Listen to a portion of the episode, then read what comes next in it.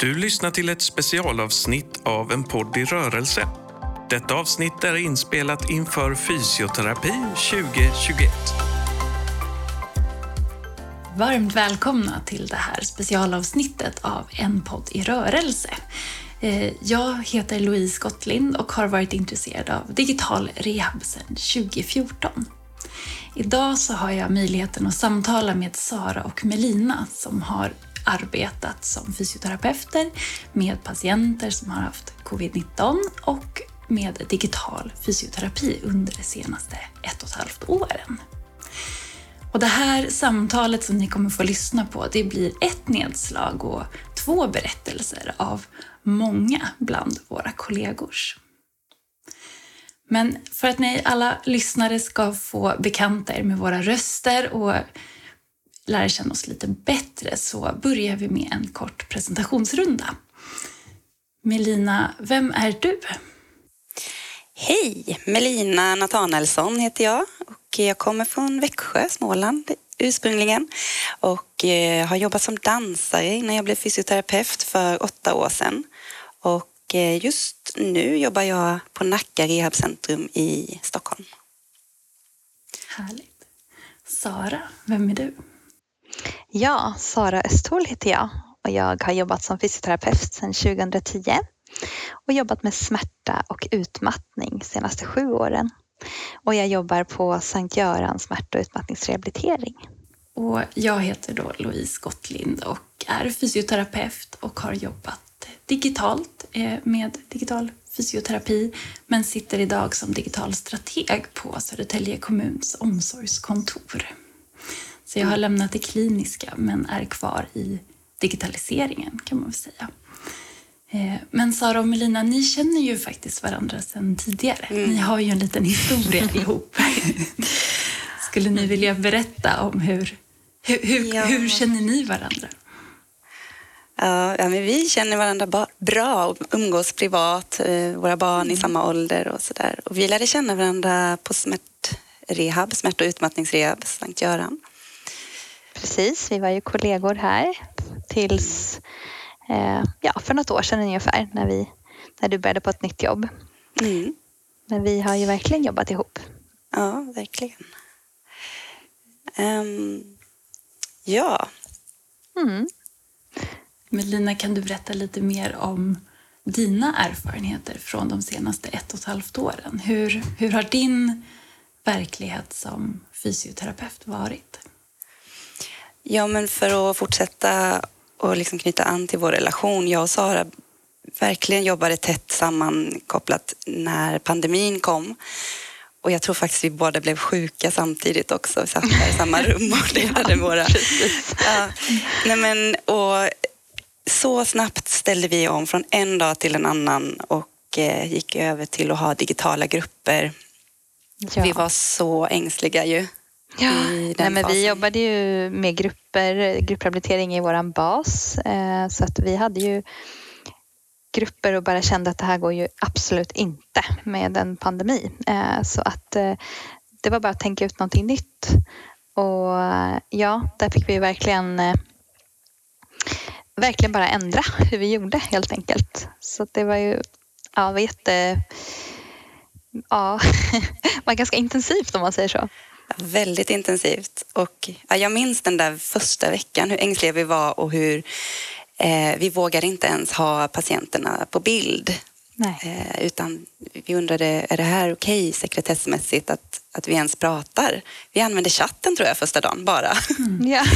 eh, och sen vande man sig successivt. Eh, och så kändes det ju jättebra att ha digital grupp. Och det kändes bra att kunna ta hand om patienterna. Ja, verkligen. Vi har ju så många eh, positiva överraskningar i hur bra det har funkat faktiskt. Eh, som vi inte alls trodde. Det kändes som en omöjlighet i början men verkligen att det funkar att ha både enskilda patienter och ha grupper också. Eh, har ju blivit, ja, det har blivit liksom jättebra för oss. Mm. Så vi gjorde till exempel guidad avspänning, qigong, hemträningsprogram och dans och rörelseglädje hade vi. Och pratade om andning och testade andning. Och, Ja. Stavgång, mindfulness, eh, eh, ja, allt möjligt har vi gjort digitalt. Ja, för det var inte bara grupperna som ställde om utan det var ju också att ta hand om dem individuellt och i samma veva så var det ju att vi höll på med en app och utveckla den, designa den och vi fick verkligen vara med och tycka till och mm. utforma den som vi ville ha den. Och vi började spela in videos. Och ja. var jättekreativa. Ja, visst. Där gick du verkligen i bräschen, Melina, och eh, fick med hela kliniken lite grann i inspelningar och eh, ja, som vi ju fortfarande använder hur mycket som helst. Så det där, ja, jag vet inte vad vi gjort, hade gjort utan dem faktiskt. Ja, men vi var så produktiva. Jag kommer aldrig glömma den perioden. Nej. Alltså mitt i en pandemi, det är kaos, men vi bara skapade. Kan sakna det Mm. Jag blir så nyfiken. Hur reagerade patienterna? För jag tänker det är en otrolig omställning som fysioterapeut att börja jobba. Som ni säger, vad, vad, får man göra? Vad kan vi göra? Men hur reagerade patienterna på att ha digitala grupper helt plötsligt? Och... Mm, väldigt bra. Jag blev tacksamma. Ja, ja, precis. Jag kommer ihåg att vi hade eh, hade någon grupp där vi, den sista gruppen som var fysiskt och det kändes inte bra. Så när vi verkligen tog beslutet på kliniken att nu går vi över till digitalt så var det som att en sten lättade lite grann och jag mm. tror för patienter också. För att eh, eh, bara veta att man, man kan fortfarande få hjälp fast man inte vill utsätta sig för någon smitta. Så att, det är svårt att jobba som sjukgymnast, tycker jag, fysiskt.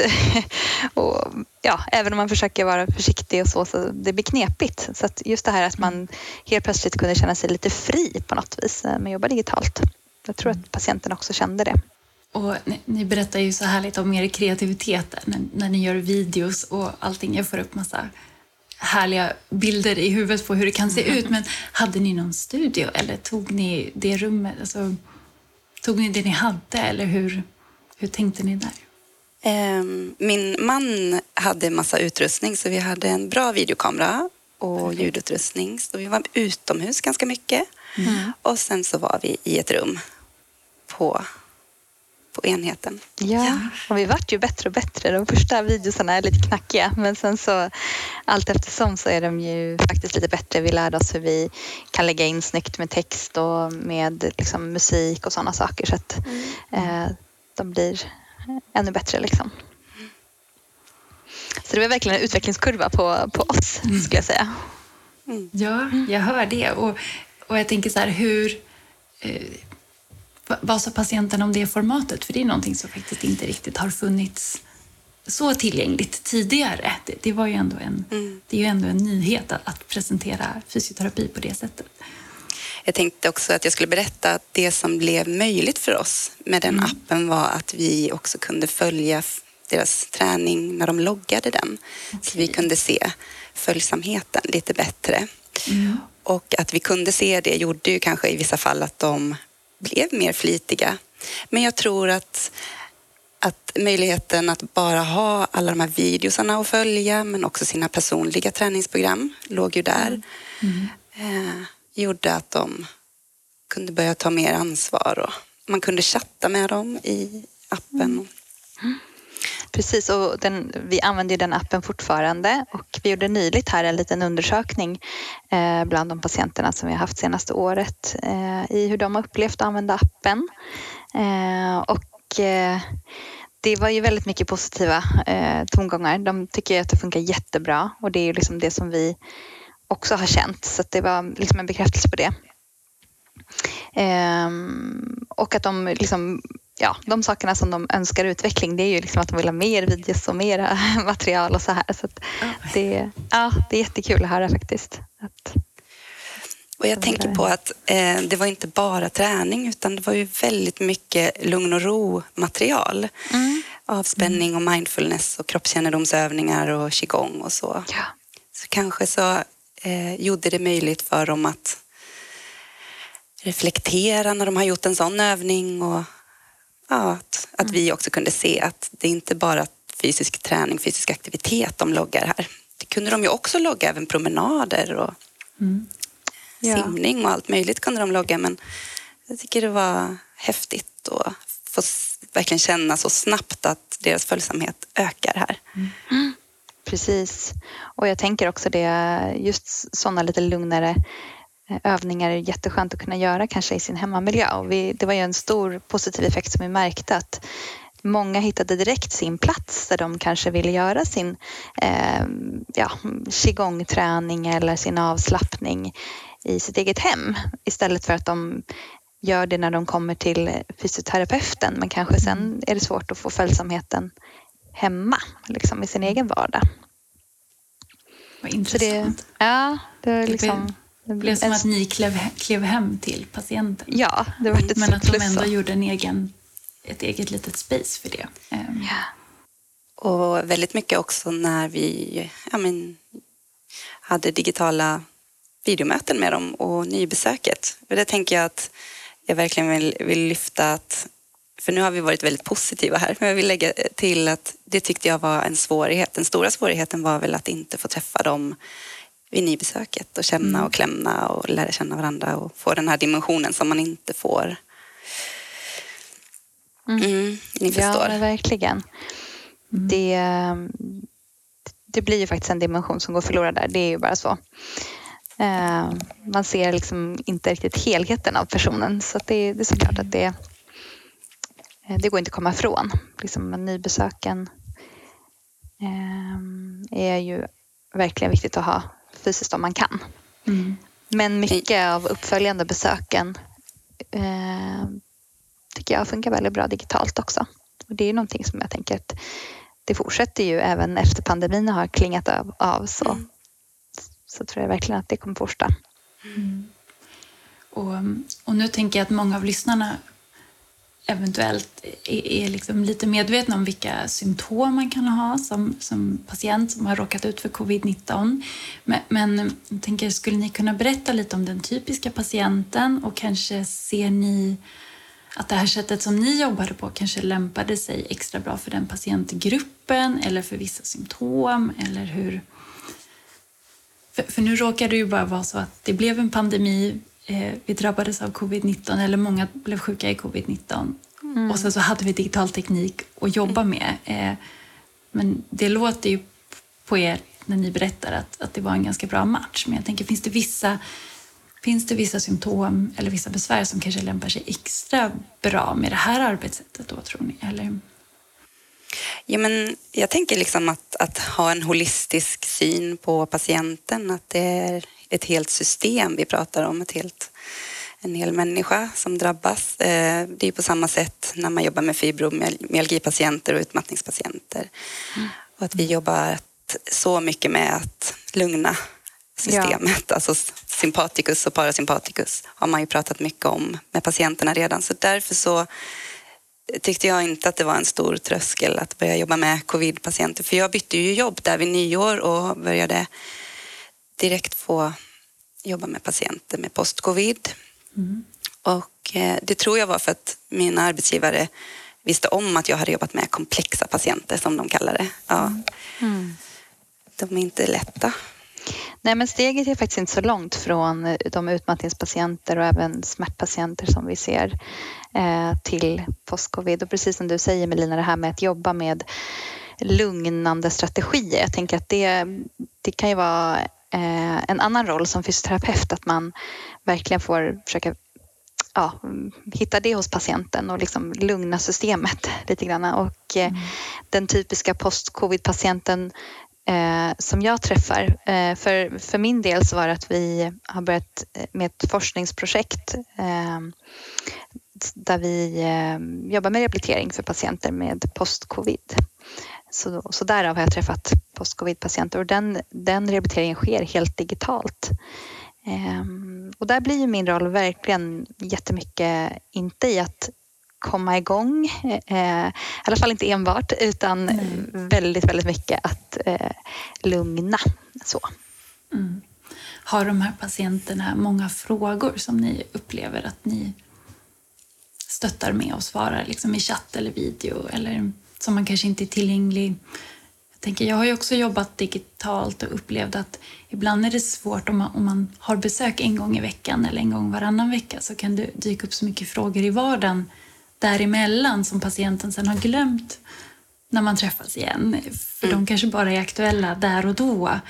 Eh, hur är er erfarenhet kring den här patientgruppen och frågor? Kom det mycket? Hur, Ja, det är så mycket frågor och det är ju alldeles eh, förståeligt. Eh, Tänk alla nya symptom och den ja, okunskap som, som vården ja, sitter med också. Så, där. så att, verkligen att få ställa sina frågor, att få kanske känna mm, gemenskap med andra som är i samma situation och att kunna få bolla det även om inte eh, vi vårdgivare eller jag som fysioterapeut kan liksom alltid ge ett rakt och enkelt svar så kan man, eh, man kan resonera tillsammans. Eller liksom man, kan, ja, man kan också lyssna liksom bara Mm. ibland. så. Eh, ja. Så, ja, jag tycker digitala är stor hjälp där för då kan man eh, mm, få frågorna liksom, mm, så här, man kan skriva frågor och sådär och det, det är ju snabbt sätt att kunna göra det. Liksom. Sen har vi väldigt mycket att man eh, att man har eh, en etablerad frågestund där man liksom får Ja. verkligen eh, också ställa Ja, frågor. Jag tror det är viktigt. Hade ni det i grupp eller enskilt? Eller? Ja, men det är i grupp. Mm. Ehm, så, och reflektioner på saker som man, som man har gjort under passet men också frågor generellt. Och vi har vid varje tillfälle som vi träffar patienterna en eh, psykoedukation av, eh, med olika teman. Det kan vara andning vid postcovid, det kan vara smärta, det kan vara eh, POTS, det kan vara eh, sympatiska parasympatiska nervsystemet. Lite av varje som vi tänker är, eh, ja, är aktuellt för de här patienterna. Mm. Jag vet inte hur har ni med, med frågor och Jo, men sådana saker hos er? Det är så viktigt det du säger. ehm, För att, ja, ställa frågor till patienterna tänker jag också. Att, att Mm. Tvärtom, att det var det första jag fick lära mig av mina erfarna kollegor när jag kom till Nacka. Att ställ mycket frågor, var nyfiken, ta reda på så mycket som möjligt, eh, lyssna. Och det där tog jag med mig verkligen. Och sen, det kändes bara väldigt naturligt tyckte jag för mig att hamna med dem. Och det jag kände var att oj vad de känns ensamma. Gud vad de tror att de är ensamma i hela världen med att ha det här. Så jag drog igång ganska snabbt en samtalsgrupp. Bara två tillfällen. Att, eh, då får man komma och träffa fem, sex, sju andra och får lite kort information men också få reflektera och berätta om sina erfarenheter och eh, få testa några övningar, avslappning och andningsövningar och så.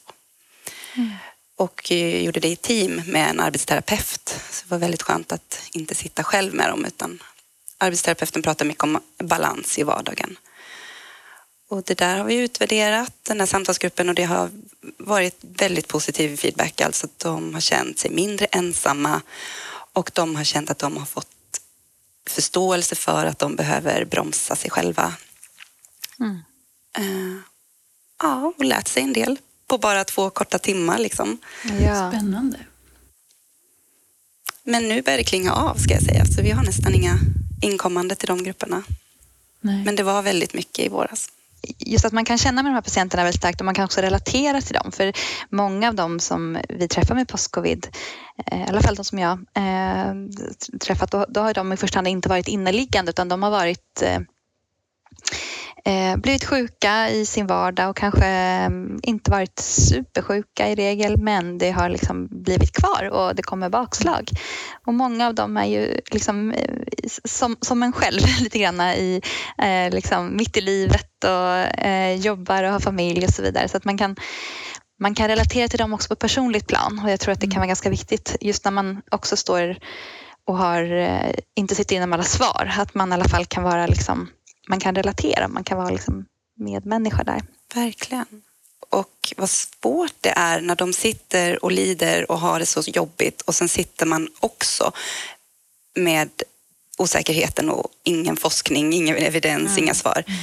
Men vad viktigt det är att grunda sig och känna sig trygg i sin yrkesroll och att man duger, att det känns som att det räcker att jag lyssnar och att jag ger de råd, tips jag kan och Precis. Man tillsammans hittar en väg framåt. Och det är ju väldigt mycket att undvika bakslag. Ja, Mm. verkligen. Är det någonting man ska ta med sig så känns det verkligen som det. Undvika bakslag. Mm. Och så acceptans för att kunna göra de förändringar som behövs för att undvika bakslag. Ja, eftersom att många vill ju bara liksom köra på. Eh, tillbaka till som jag var och så vidare. Så liksom inte alls acceptera hur situationen är nu och liksom vad behöver jag nu? Eh, så lite det här att ta hand om sig själv i den här situationen och känna att man eh, ja, man gör det som man behöver nu. Liksom. Där är jag väldigt tacksam att vi, att vi har jobbat så mycket med acceptans eh, där på Sankt Göran, Sara, för eh, att kunna förklara för patienten att det handlar inte om att du ska ge upp, att det ska vara så här för alltid. Det är ingen resignation utan det handlar bara om att se verkligheten för vad den är just nu, att vara mer i, i nuet och att eh, ja, men, Ja. ska ta små steg mot det som är viktigt i livet istället och öppna upp sig lite. Mm, verkligen. Och jag tycker det funkar så väldigt bra som, som fysioterapeut också. Man har den ingången i det hela. Så det är någonting man kan prata kring men också att man kan eh, göra det med kroppen. Liksom. Ja. Verkligen. Mm.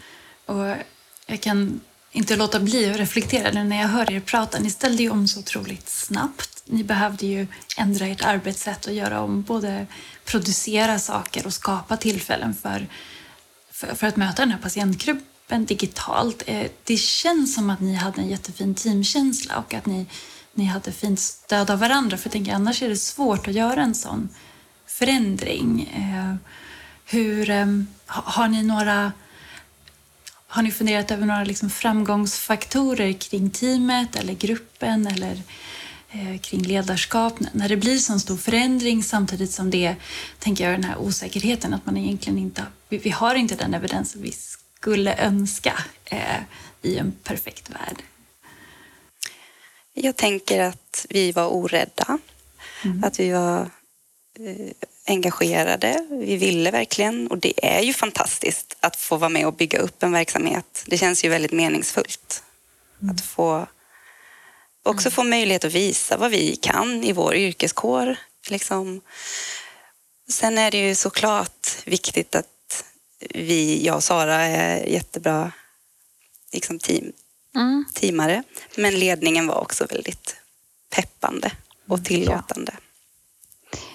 Precis.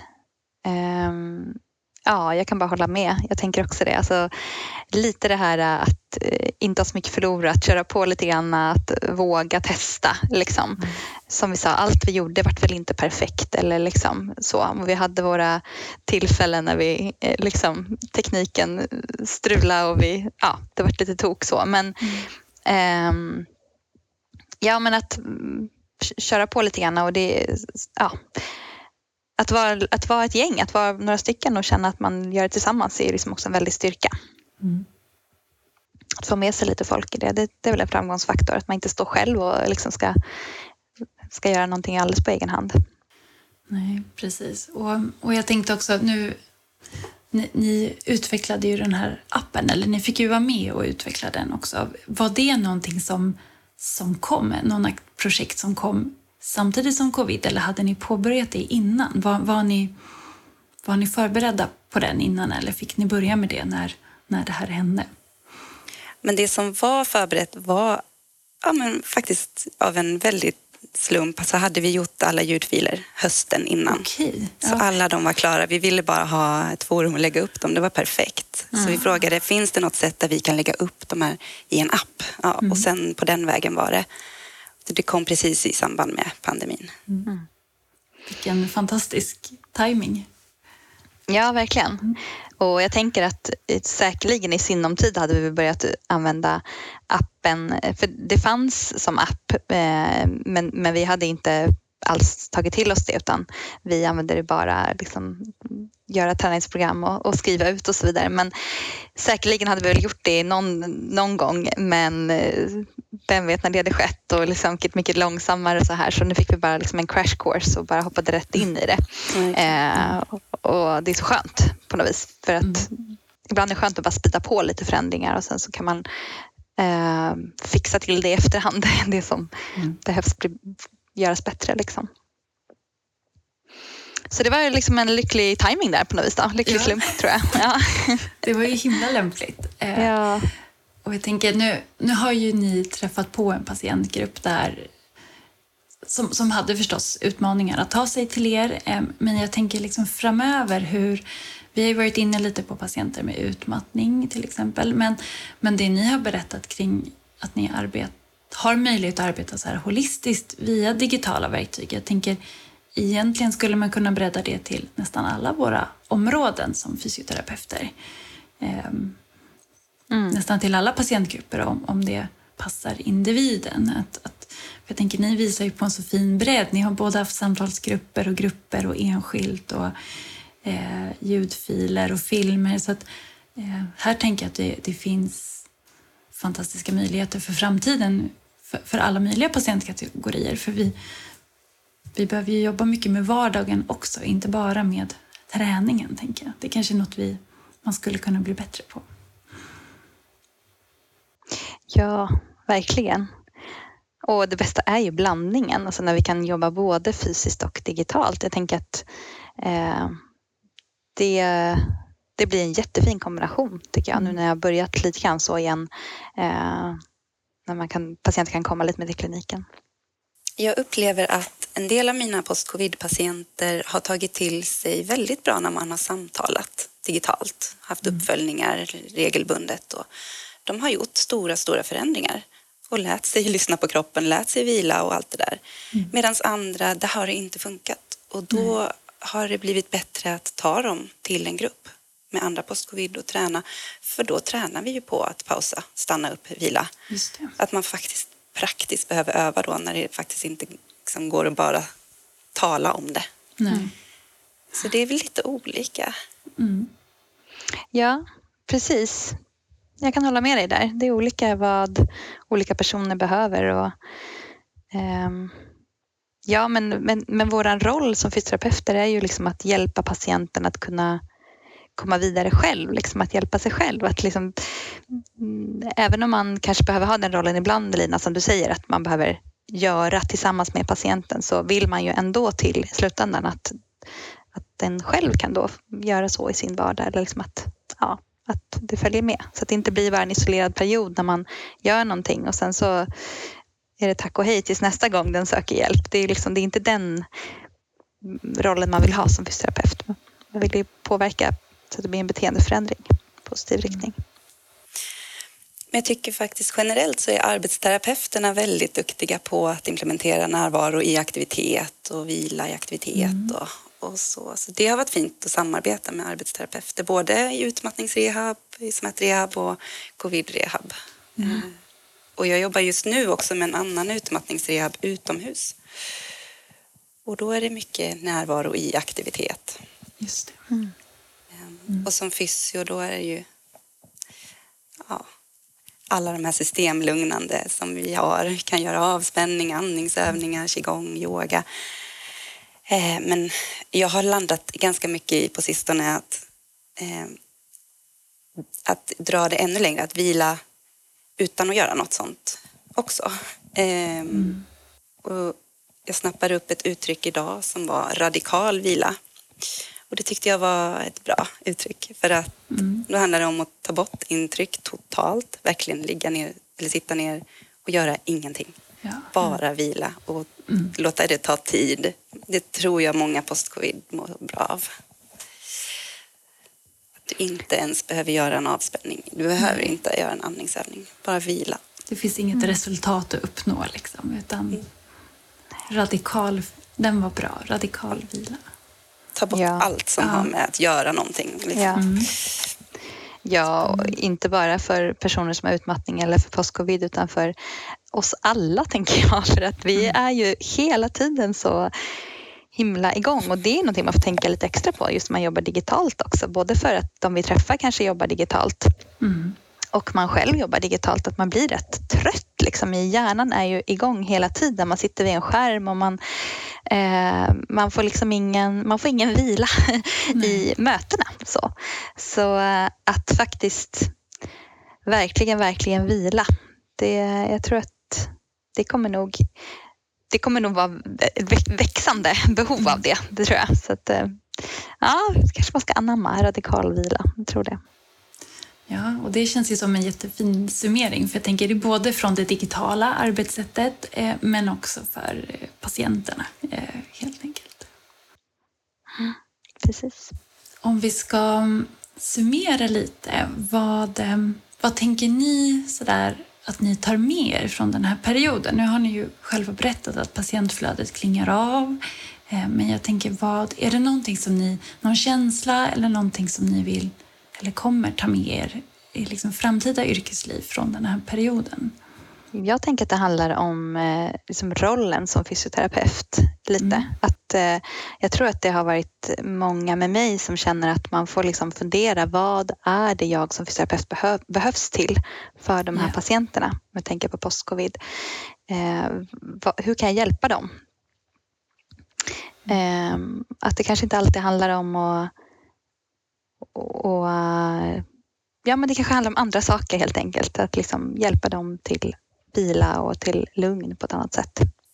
Ja, vad svår fråga du. Men eh, det är väl att